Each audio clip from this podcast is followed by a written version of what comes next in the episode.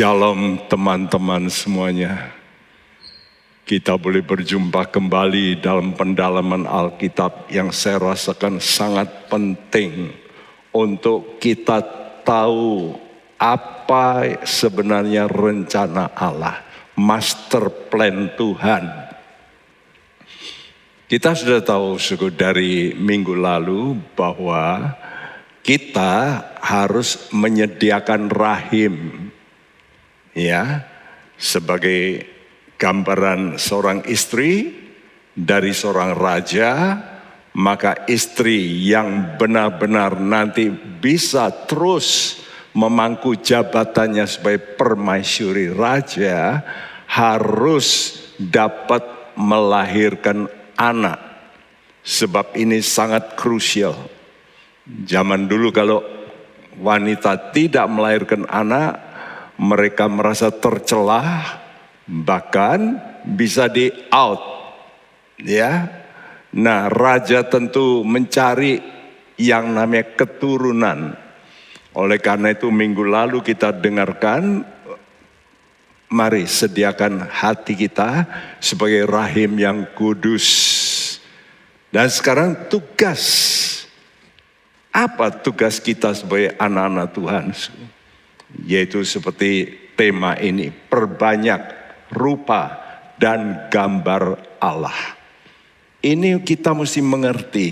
Banyak orang Kristen oleh karena hanya mendengar mendengar berita Injil dan mereka tidak diajar mengapa mereka menjadi orang percaya Hari ini kita mendengar bagaimana Tuhan itu ingin supaya saudara itu memenuhi tujuan Allah. Apa tujuan Allah? Memenuhi bumi dengan gambar dan rupa Allah. Ini memang rencana Tuhan. Hanya dengan itu kita dapat memuliakan Allah.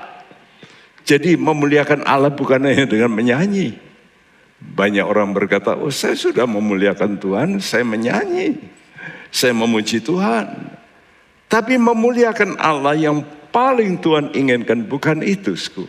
Memuliakan Allah dengan melahirkan anak-anak yang kudus, yang menjadi kekasih Tuhan. Mengapa begitu? Kenapa memuliakan Allah dengan cara itu? Ya, seperti ayat ini.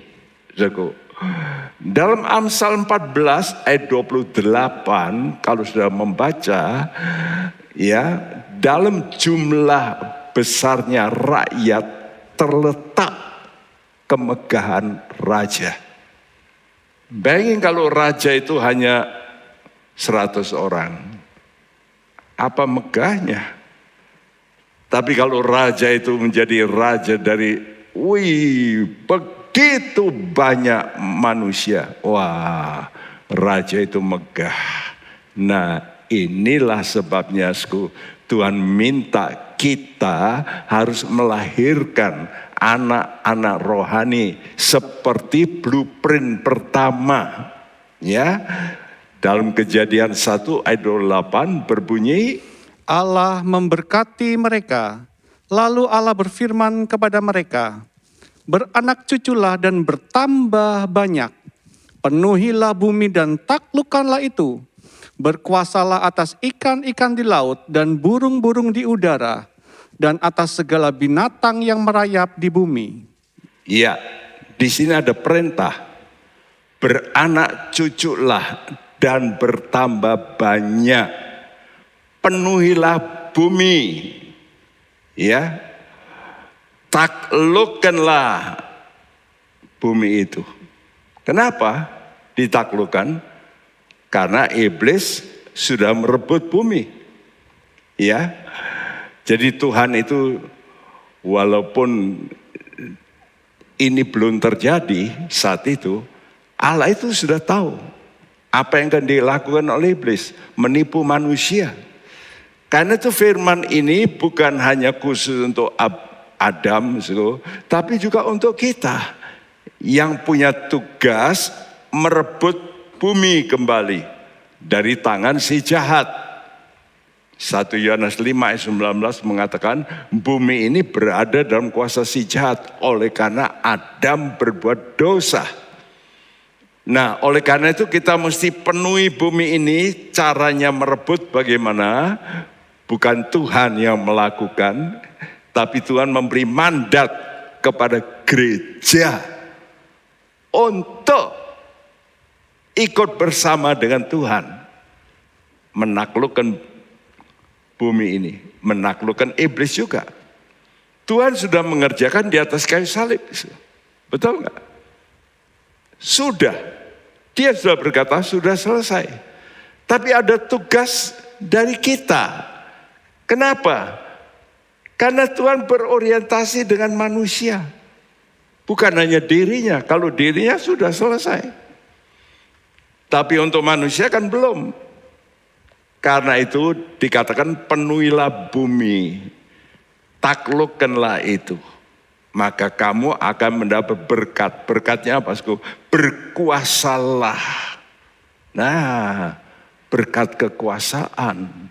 Ini kemuliaan. Jadi kalau orang mengerti bagaimana memuliakan Tuhan dengan yaitu memperbanyak orang-orang kudus di bumi ini, maka Allah akan mempermuliakan kita dengan apa? Berkuasa. Jadi kita ini nanti akan menjadi raja-raja di muka bumi selama seribu tahun, kata Tuhan. Ya, oleh karena itu perhatikan kejadian 1 ayat 28 ini sebelumnya ditulis ayat 27 yang berkata berkali-kali yaitu Allah mencipta mereka menurut gambar dan rupa. Tiga kali ditulis mencipta mencipta mencipta. Mencipta berarti bara dari sesuatu yang tidak ada menjadi ada jadi berkat perkembangan rupa dan gambar Allah itu diberikan pada manusia cipta ciptaan baru yang sudah dicipta. Ya. Dan itulah kelompok manusia yang sudah mengalami perubahan. Apanya berubah? Roh dari pikiran. Bukan pikirannya berubah jadi orang gila. Tapi spirit dari pikirannya berubah Nah bahasa Indonesia mengatakan roh dan pikiran. Maksudnya roh dari pikiran. Itu yang dibarui oleh Tuhan. Efesus 4 ayat 23, 23 24. Supaya kamu dibaharui di dalam roh dari pikiranmu dan mengenakan manusia baru yang telah diciptakan menurut kehendak Allah di dalam kebenaran dan kekudusan yang sesungguhnya. Nah, ini berarti dicipta. Saudara, saudara membawa Injil, lalu saudara mengajar orang supaya orang itu rohnya berubah. Roh dari pikirannya, supaya bisa menjadi manusia baru yang dicipta menurut kehendak Allah. Ya, dan perhatikan syarat paling penting kebenaran, kekudusan. Kebenaran itu ya katakanlah itu seperti teorinya, tapi prakteknya itu kekudusan. Ya, sehingga kebenaran dalam roh kita ini melahirkan kekudusan sampai ke tubuh kita. Karena tubuh kita harus menjadi tubuh yang kudus. Jadi jelasku harapan Tuhan bagi kita gerejanya bukan hanya berkembang dalam jumlah kuantitas tapi istimewa dalam kualitas mencapai standar ilahi apa itu benar dan kudus dan itulah yang disebut murni ya Saudaraku, Tuhan itu sebetulnya mengeluh. Kenapa? Banyak orang dipanggil di dunia ini. Banyak. Banyak yang menjadi Kristen. Tapi yang benar dan kudus sedikit. Ya, karena itu banyak yang dipanggil, sedikit yang dipilih kata Tuhan. Kenapa? Karena yang mau kudus. Ada orang mau kudus itu, tapi lama-lama nyeleweng juga. Nah itu artinya setia, kurang setia. Jadi masih ada terakhir dipanggil, dipilih, setia. Terus menjaga kebenaran dan kekudusan. Ya, mengapa sih? Orang yang dipanggil ini harus betul-betul terus kudus. Dia hanya bisa kalau imannya murni. Nah, iman manusia itu kebanyakan deviasi. Surat Timotius paling banyak menyatakan itu dalam satu Timotius, dua Timotius. Jadi banyak orang Kristen berkata, oh kalau sudah percaya, sudah selamat. Siapa bilang? Nanti baca surat Timotius. Di situ katakan orang itu bisa menyangkal imannya. Jadi dia punya iman bisa disangkal dia bisa meninggalkan imannya. Jadi jelas orang yang sudah beriman. Bahkan diberi contoh dalam 2 Timotius. Waktu Paulus mau meninggal, dia pesan. Ya, murid-muridku begitu banyak. Dulu ikut aku. Siapa? Demas. Tapi dia sudah meninggalkan aku. Murid tuh. Dan muridnya bukan murid abal-abal, muridnya Rasul Paulus. Ya, saudara. Namun dia meninggalkan. Kenapa? Karena imannya enggak 100% murni. Sehingga terjadi deviasi. Nah, proses iman murni inilah yang menyakitkan. Ya, itu seperti emas. Emas kalau mau dimurnikan harus lewat apa? Api. Cukup sekali? Tidak. Dua kali? Tidak. Berkali-kali, berkali-kali sampai terus kadarnya dinaikkan. Dan emas pun tidak ada yang 100% murni. Coba cari. Saya dulu tidak mengerti.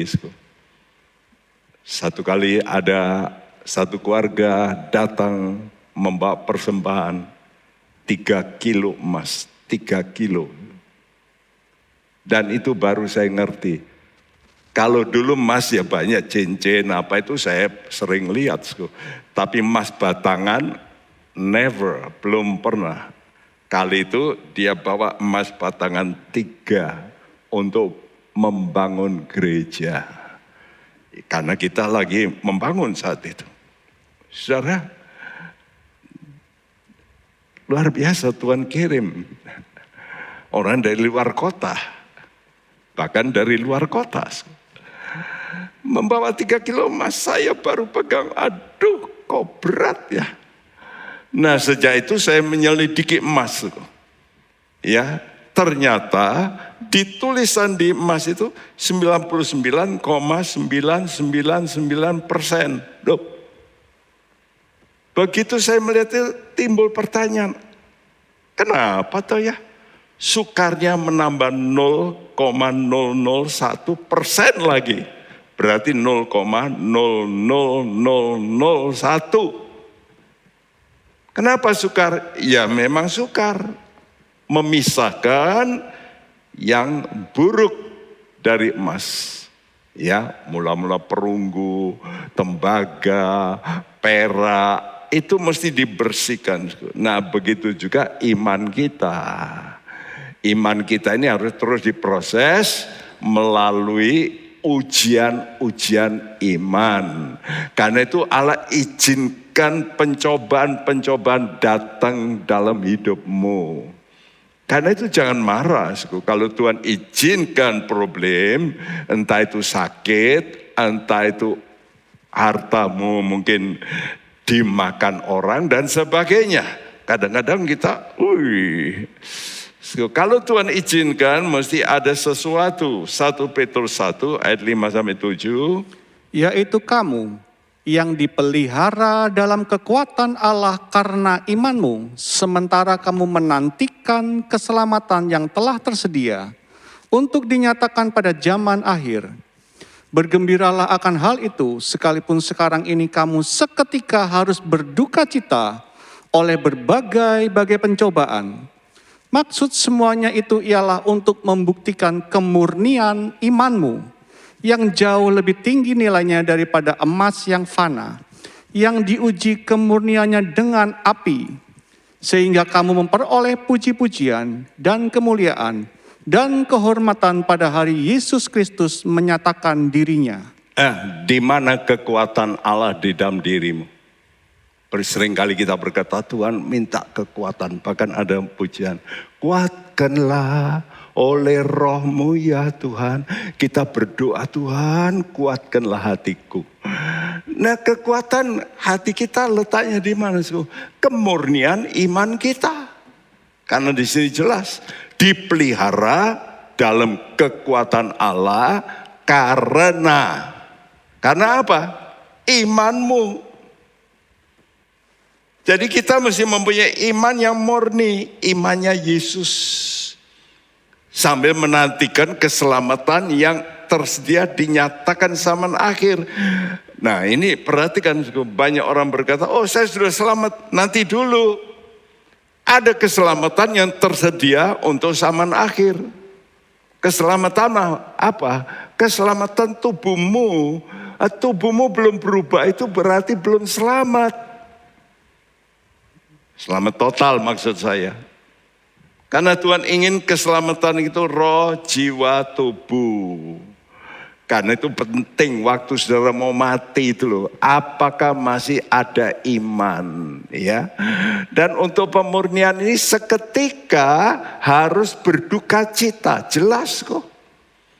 Jadi kita kalau ada hal-hal yang mendukakan kita. Coba anggaplah kata Yakobus sebagai ujian meningkatkan imanmu.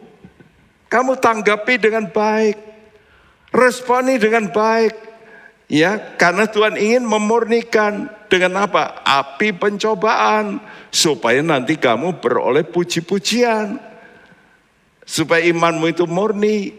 Nah, seperti juga emas yang diuji kemurnian dengan api, begitu juga halnya iman kita. Dan kalau iman itu genuine, iman sejati, itu iman kemuliaan. Nah itulah imannya murni. Jadi kalau orang berfokus kemuliaan Allah, imannya murni. Tapi kalau imanmu, wah saya diberkati, saya nanti wah jadi besar. Itu tidak murni. Imanmu murni kalau engkau mencari kemuliaan Allah dan kau akan diuji dengan berbagai pencobaan. Jadi iman yang murni itu yakin. Saudara ini melalui persekutuan dengan Tuhan, saudara ini bisa melahirkan nanti anak-anak rohani yang memiliki rupa Kristus. Contohnya Petrus seperti gambar ini. Dulu dia pikir imannya hebat. Kalau lain orang meninggalkan, saya enggak. Omong besar, betul? Waktu Yesus mulai di mau dieksekusi, dia mulai menyangkal Yesus sampai tiga kali bahkan mengutuki lagi. Tapi dia bertobat. Nah di situlah imannya dimurnikan melalui apa? Melalui pencobaan. Dia dikata-katai oleh perempuan-perempuan ya budak.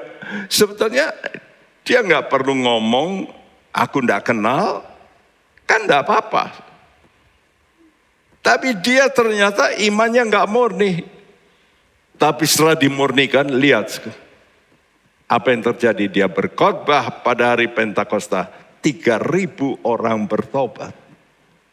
Lahir anak-anak rohani 3000 satu hari. Luar biasa. Saudara, jelas ya. Jadi kalau saudara menghadapi problem-problem apa saja, saudara mesti anggap itu sebagai ujian imanmu. Nah baru bisa engkau responnya baik. Oh enggak apa-apa, saya dimaki, saya dipermalukan. Oh enggak apa-apa. Harta saya di, ya diambil orang, ya sudahlah. Nah itu namanya imanmu jadi murni karena imanmu lalu melihat apa? Kemuliaan Tuhan. Ya. Nah, duka cita kita harus berubah jadi sukacita. Jangan sudah berduka, bukannya berubah jadi sukacita, malah makin berduka, celaka. Tapi cara rohani, duka cita lebih dulu, lalu sukacita. Dan Tuhan gambarkan seperti orang waktu melahirkan. Ada orang melahirkan dia ketawa, ada, ada aku sakit, ada, enggak, ya lihat gambar itu. Semua orang mau melahirkan meringis, ya, ih, ya saya sekali disuruh masuk kamar VK persis mau melahirkan dengan istri saya. Tentu ditutup masih ya, tapi wanita ini karena sudah airnya sudah ketubannya sudah pecah dan dia kesakitan. Wih, baru saya melihat waduh sampai keluar keringat sebesar jagung-jagung. Ya, karena di bel kami, kami langsung datang dan didoakan. Begitu kami pulang, kering. Wah, ada apa ini? Pak, terima kasih tadi didoakan lahir. Oh. Itu persembahan jam dinding pertama di gereja dari orang itu. Nah gereja di dunia juga begitu ya. Sekarang pikul salib. Tapi nanti gereja Tuhan akan bersuka cita di sorga. Duka cita akan berubah menjadi sukacita. Calon mempelai mereka yang rela menderita sakit bersalin. Kenapa, sih? Karena mau membalikkan orang berubah supaya rupa Kristus ada dalam dirinya. Itu namanya sku, melahirkan. Jadi membiakkan rupa Kristus. Kapan? Saat melahirkan jiwa-jiwa baru. Karena itu hamba-hamba Tuhan, pelayan-pelayan Tuhan, pendeta-pendeta bisa ketawa tapi banyak nangisnya juga. Ya, diserang. Ya, apalagi orang yang omongannya kasar. Saya datang kepada seorang orang dunia yang kaya raya, dia punya wih, ya kekayaan luar biasa, karena diajak oleh temannya dan saya ke sana. Begitu saya datang ke sana dia wih maki-maki tentang Yesus. Saya pikir waduh betapa sulitnya orang kaya masuk kerajaan Allah. Namun ini bukan hanya jiwa baru. Jiwa-jiwa yang sudah percaya namun bergeser imannya. Faktanya siapa? Jemaat Galatia. Seperti tadi yang dikatakan oleh Paulus. Ya, yang muridnya yang juga bisa bergeser. Jemaat Galatia ini jemaat. Artinya banyak ya. Galatia 1 ayat 6 sampai 7 berbunyi. Aku heran bahwa kamu begitu lekas berbalik daripada dia yang oleh kasih karunia Kristus telah memanggil kamu dan mengikuti suatu Injil lain yang sebenarnya bukan Injil hanya ada orang yang mengacaukan kamu dan yang bermaksud untuk memutarbalikkan Injil Kristus. Nah, jangan heran, sku. Dalam kekristenan itu ada hamba Tuhan yang benar-benar murni Tapi ada hamba Tuhan yang palsu kata Paulus. Apa? Di mana palsunya itu? Ujung-ujungnya mana? Duit. Nah itu tandanya. Ya. Nah orang-orang ini ingin mengacaukan.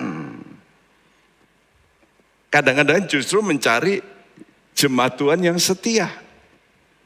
Untuk diubah. Iya. Nah ini fakta.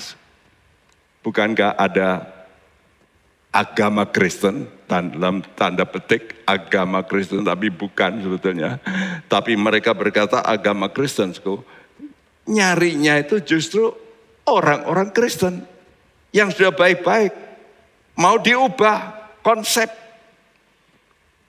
Nah ini bergeser dari kebenaran.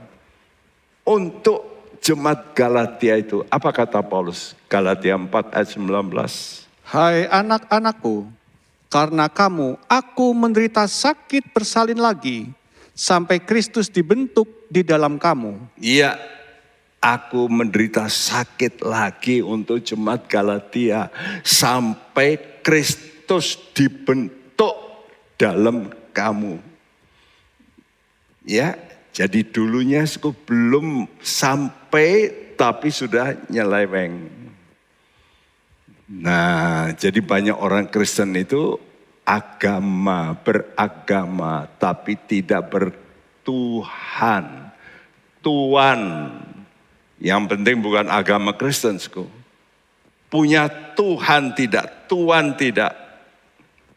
Ya, dan hamba-hamba Tuhan, pelayan-pelayan Tuhan, aktivis gereja yang cinta Tuhan, kekasih-kekasih Tuhan, waktu membentuk jiwa-jiwa baru, tentu dilecehkan, dikata-katai, dimaki. Saya pernah suku, datang ke rumah sakit, suku, saya mau masuk, orang yang marah, suku, lalu marahi saya, dia wih, maki-maki saya itu terjadi. Ya. Jadi kita menjadi anak Tuhan kadang-kadang sakit. Ya, tapi kita mencari jiwa. Nah, namun bukan hanya jiwa baru, membalikkan jiwa yang mungkin sudah lama jadi orang Kristen. Ya, kami saya diminta teman saya, ayo Pak Bukti, mbok ini Tolong diperhatikan, saya sudah berusaha membuang waktu cukup banyak. Aduh, tapi kena namanya pengajar-pengajar yang memberikan pengajaran yang beda. Tuhan sudah datang, nggak ada antikris. Tuhan sudah datang, ngapain? Waduh. Ini banyak orang dan pengaruhnya besar. Wah, yang begini-begini. Jadi sakit bersalin itu bisa langsung saat kita melahirkan anak-anak rohani. Ya, namun juga serangan dari hamba-hamba Tuhan palsu. Wah, ya saya dikata-kata Pak Bekti ini Torat, ya Kristennya Kristen Torat. Banyak aturannya. Kami ini Kristen anugerah. Wah, ya sudah. Ya. Bahkan itu orang yang kami didik cukup lama. Bisa berubah. Jadi jangan heran loh. Orang itu bisa berubah oleh karena pengajaran. Kan itu betapa pentingnya pengajaran yang betul-betul solid. Yang betul-betul murni. Dan mengapa kita mau menderita untuk Kristus? Kenapa? Coba kita baca Yohanes 16 ayat 20 dan 21. Aku berkata kepadamu, sesungguhnya kamu akan menangis dan meratap, tetapi dunia akan bergembira. Kamu akan berduka cita, tetapi duka citamu akan berubah menjadi sukacita. Seorang perempuan berduka cita pada saat ia melahirkan, tetapi sesudah ia melahirkan anaknya, ia tidak ingat lagi akan penderitaannya, karena kegembiraan bahwa seorang manusia telah dilahirkan ke dunia. Ya, Tuhan berkata kalau kamu mau ikut aku, kamu senang-senang terus. Tidak, memang senang. So. Damai, perhatikan damai itu. Dan damai ini nggak bisa dicuri di tengah tangisan ratapan kita. Nah itu betul. Ya, jadi kalau sudah beriman dengan betul, ada sesuatu yang paling penting yaitu damai Kristus memerintah dalam dirimu. Jadi engkau bisa mengalami duka cita, tapi hatimu damai. Engkau bisa mengalami hal yang menyakitkan. Engkau menangis. Tapi hatimu damai. Ya, sesungguhnya kamu akan menangis dan meratap. Dunia bergembira. Kamu berduka cita. Tapi ingat kata Tuhan, duka citamu akan berubah menjadi sukacita. Kapan berduka cita? Saat melahirkan. Ya, suku. Nah, kalau sudah mau melahirkan berapa anak? Kalau cuma satu, gimana? Ya, sekali tok sakitnya, betul. Kalau mau anak dua, ya dua kali sakitnya. Kalau anak sepuluh, sepuluh kali sakitnya. Nah orang zaman dulu rela. Sekarang dua cukup sakitnya itu loh yang nggak mau. Betul nggak? Bahkan ada beberapa orang saya tegur, kenapa kok nggak mau punya anak? Enggak om. Aneh. Bahkan yang lebih jelek lagi, ada orang ah nanti bodiku rusak. Waduh. Ini benar. Tubuhku rusak kalau punya anak.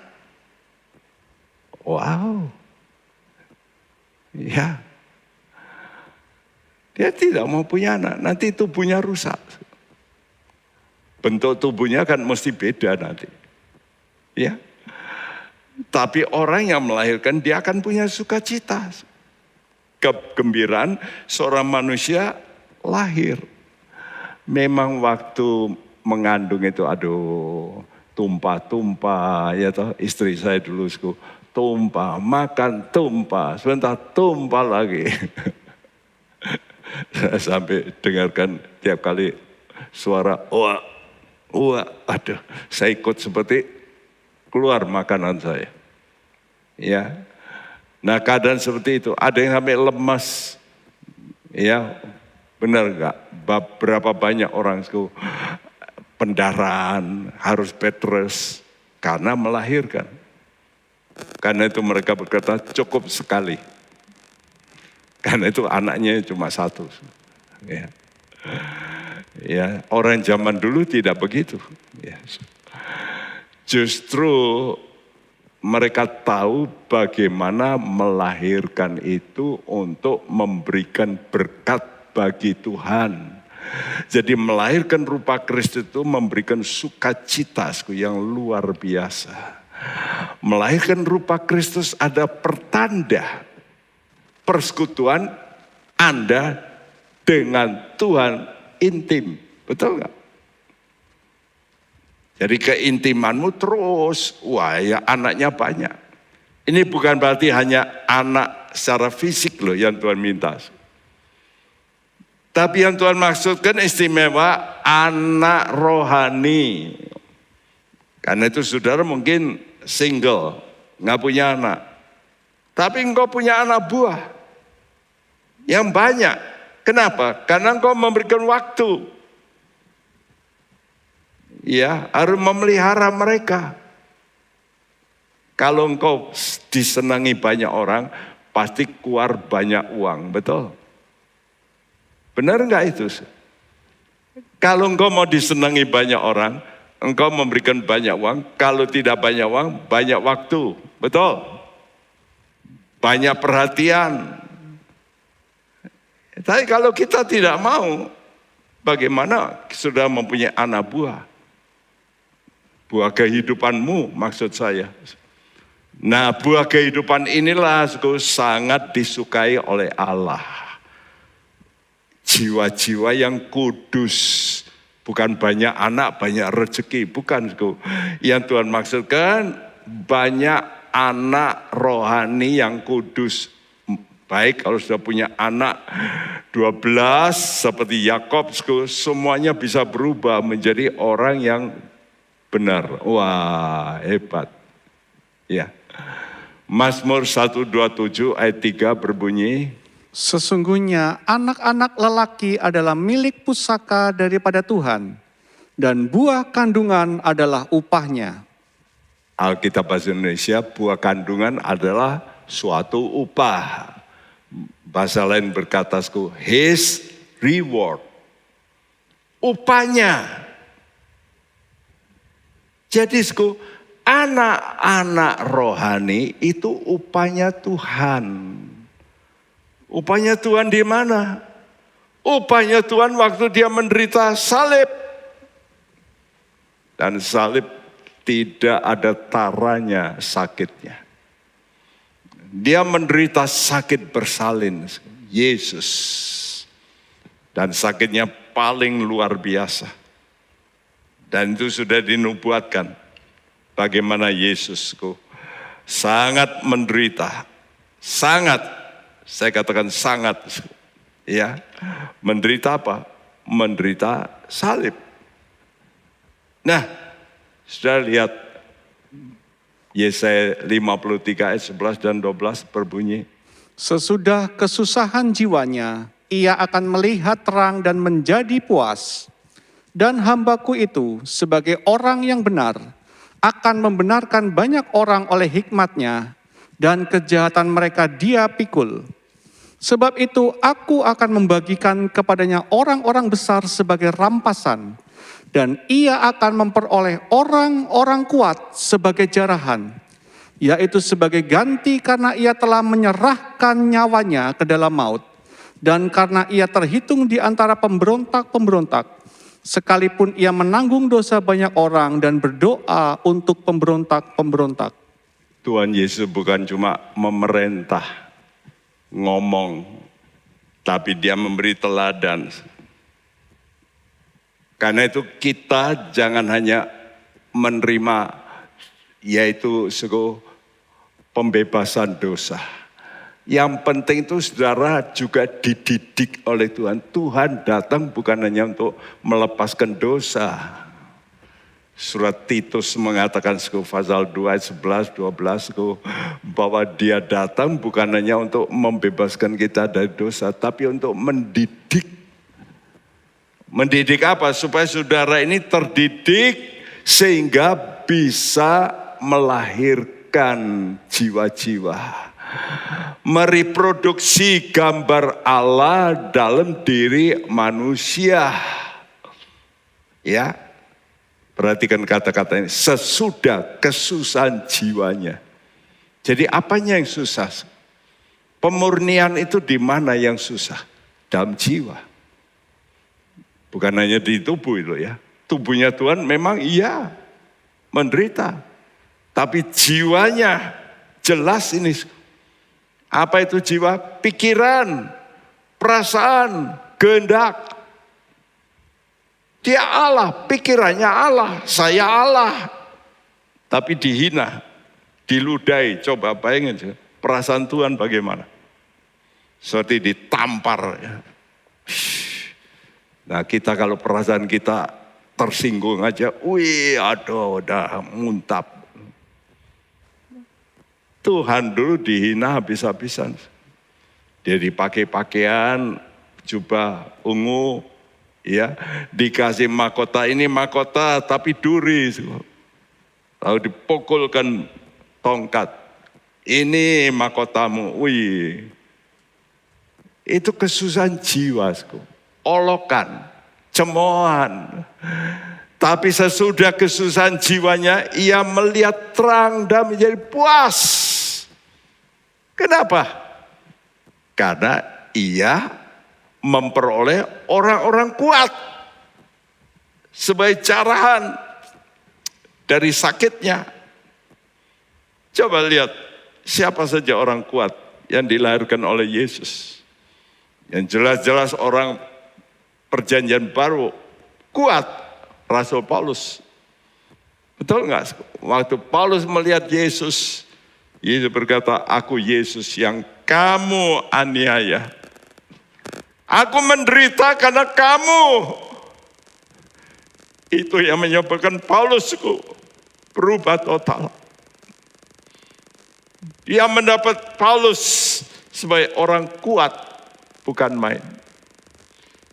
Ya, karena itu dia Yesus menyerahkan nyawanya, menyerahkan jiwanya ke dalam maut.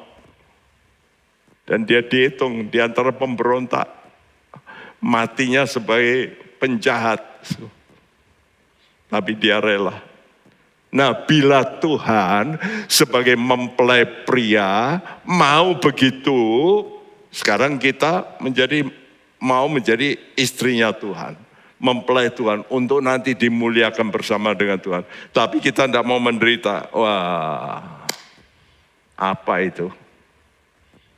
Itu bukan mempelai Tuhan. Ya, karena itu suku saudara harus mau rela menderita. Yohanes 16 ayat 22 berbunyi. Demikian juga kamu sekarang diliputi duka cita, tetapi aku akan melihat kamu lagi dan hatimu akan bergembira, dan tidak ada seorang pun yang dapat merampas kegembiraanmu itu daripadamu. Ya, suku. Ya, kamu memang akan berduka, suku. Tapi aku akan melihat kamu lagi nanti.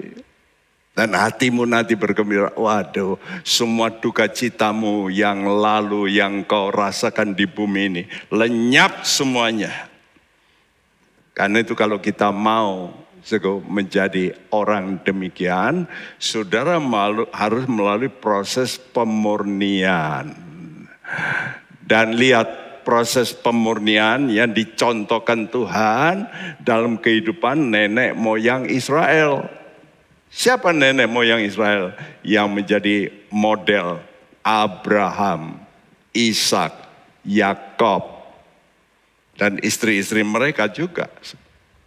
Ya, Nah, yang pertama apa? Ini tentang Abraham. Yaitu persilakan Allah itu menjadi Tuhan saudara lebih dulu. Karena itu coba lihat gambar itu. Saya tuliskan hidup bagi diri sendiri. Itu otak manusia begitu. Aku cari kekayaan untuk siapa? Ya untuk saya dan keluargaku. Titik. Tapi suku, orang yang diubah oleh Tuhan, ubah mulai dari pikirannya. Suku. Tadi spirit of your mind. Jadi roh dari pikiran kita hidup bagi Tuhan. Ya, dan hidup bagi Tuhan ini kalau saudara mulai dibombardir suku, oleh firman ya oleh firman dan di dalam firman itu ada salib itu saya beri gambar salib kalau saudara mau mengikuti firman yang ada salib, maka Roh Kudus akan bekerja. Ya, karena itu saya tuliskan berita salib yang menuju kemuliaan. Jadi arah hidup saudara itu akan berubah saat firman Tuhan itu menguasai pikiranmu. Sehingga kamu taat. Taat kepada apa? Pengajaran salib. Ya, jadi memang Tuhan ajarkan kita rela menderita, rela menderita, menyangkal diri, pikul salib. Kalau roh kemuliaan ini mendominasi arah pikiranmu, apa yang terjadi? Kata Tuhan 1 Petrus 4 ayat 14. Berbahagialah kamu jika kamu dinista karena nama Kristus. Sebab roh kemuliaan yaitu roh Allah ada padamu. Iya, ini respons kita. Kalau engkau betul, pikiranmu itu benar menurut firman, dan salib, engkau mesti berbahagia dong. Kalau menderita. Halo? Kita kalau menderita, kadang-kadang, woi, menderita itu bisa juga karena suami, karena istri, karena anak, karena orang tua, karena rekan gereja, karena pendeta mungkin memperlakukan saudara tidak adil mungkin dalam anggapanmu begitu dan sebagainya. Jadi Tuhan memang letakkan orang pada otoritas kadang-kadang membuat saudara menderita. Ya. Tapi lihat apa artinya menjadikan Tuhan itu Tuhan, Tuhan ini Abraham ini yang terjadi dalam hidup Abraham.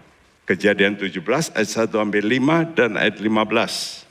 Ketika Abraham berumur 99 tahun, maka Tuhan menampakkan diri kepada Abram dan berfirman kepadanya, Akulah Allah yang Maha Kuasa, hiduplah di hadapanku dengan tidak bercela. Aku akan mengadakan perjanjian antara aku dan engkau, dan aku akan membuat engkau sangat banyak. Lalu sujudlah Abram dan Allah berfirman kepadanya. Iya, perhatikan suhu. Ini umur Abraham 99, dia berpikir janji Tuhan mana, janji Tuhan mana. Umur sudah 99, 24 tahun menunggu janji Tuhan, tidak kunjung tiba. Hari itu Tuhan kata, aku Allah yang maha kuasa. Kamu percaya nggak aku ini Allah maha kuasa? Pokoknya soal janjiku pasti aku genapi, tapi itu bukan masalahmu. Masalahmu kamu mesti hidup di hadapanku tidak bercelah. Mau nggak? Murni. Kalau murni, apa saja yang tidak mungkin, aku buat mungkin. Aku Allah yang Maha Kuasa, El Shaddai. Karena itu Tuhan berkata begini. Dari pihakku, inilah perjanjianku dengan engkau engkau akan menjadi bapa sejumlah besar bangsa.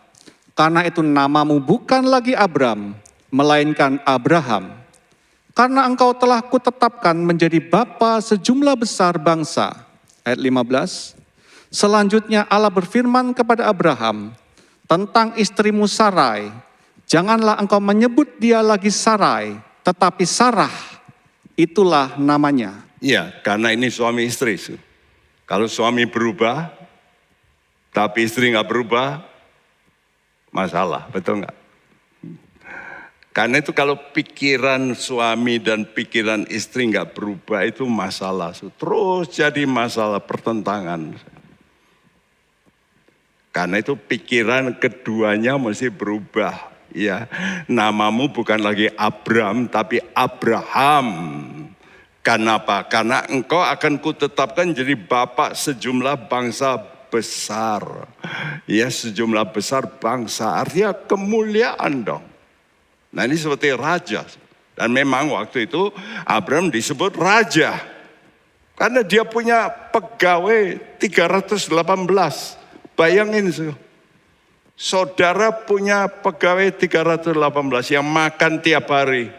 Saat itu loh Ya. Nah selanjutnya Tuhan juga mau supaya bukan hanya suami, tapi istri juga mengalami perubahan. Karena itu, suku, kalau bangsa Ibrani itu memberikan nama, tentu punya maksud. Misalnya sudah diberi nama Hartono oleh orang tuamu. Untuk apa? Supaya engkau bisa banyak harta. Kalau engkau diberi nama selamat, tapi nggak selamat, sakit-sakitan, tabrakan, wah ya namamu nggak cocok, betul? Engkau diberi nama karena harapan orang tuamu, begitu juga Tuhan. Abraham, engkau tak ganti namamu. Abraham. Namamu Abraham artinya bapak yang tinggi. Wah itu kebanggaan dirimu sendiri. Aku nggak mau Aku ganti dengan Abraham, bapak dari banyak orang. Artinya apa konteksnya? Menjadi berkat bagi banyak orang. Itu loh. hidup saudara kalau diubah Tuhan dulunya untuk dirimu, ego. Sekarang tidak. Banyak orang kaya, tapi untuk siapa? Untuk dirinya, untuk keluarganya. Titik. Untuk karyawannya. Titik. Tapi bukan untuk orang lain. Apalagi untuk gereja Tuhan. Ya, kalau saya mendengar orang-orang di dunia ini ngasih, waduh, wih bermiliar-miliar dolar. Wah, orang puji. Sarai berarti putri raja. Wanita bangsawan, noble woman. Wah kebanggaan diri lagi. Sarah, ibu putri-putri raja. Jadi akan melahirkan apa? Banyak putri-putri raja menjadi berkat bagi banyak orang. Jadi nama ini diganti dengan menyisipkan huruf H. H itu singkatan dari Yehova. YHWH. H.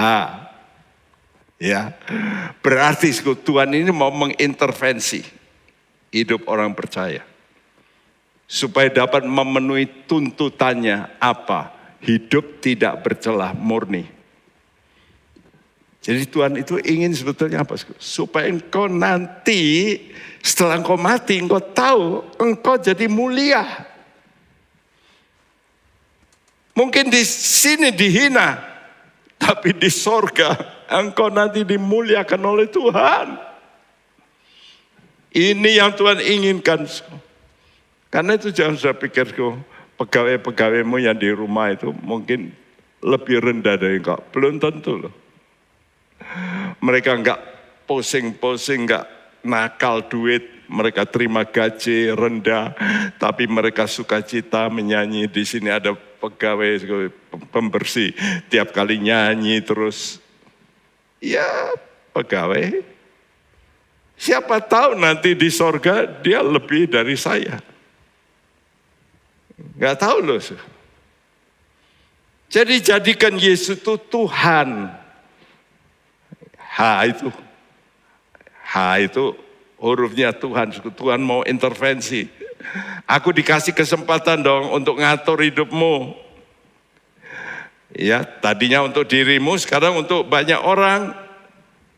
Dan dalam perikop ini, apa yang harus dikerjakan oleh Abraham? Sunat. Wih. Saat hari itu nama diganti, dia mesti disunat. Berarti apa? Sku?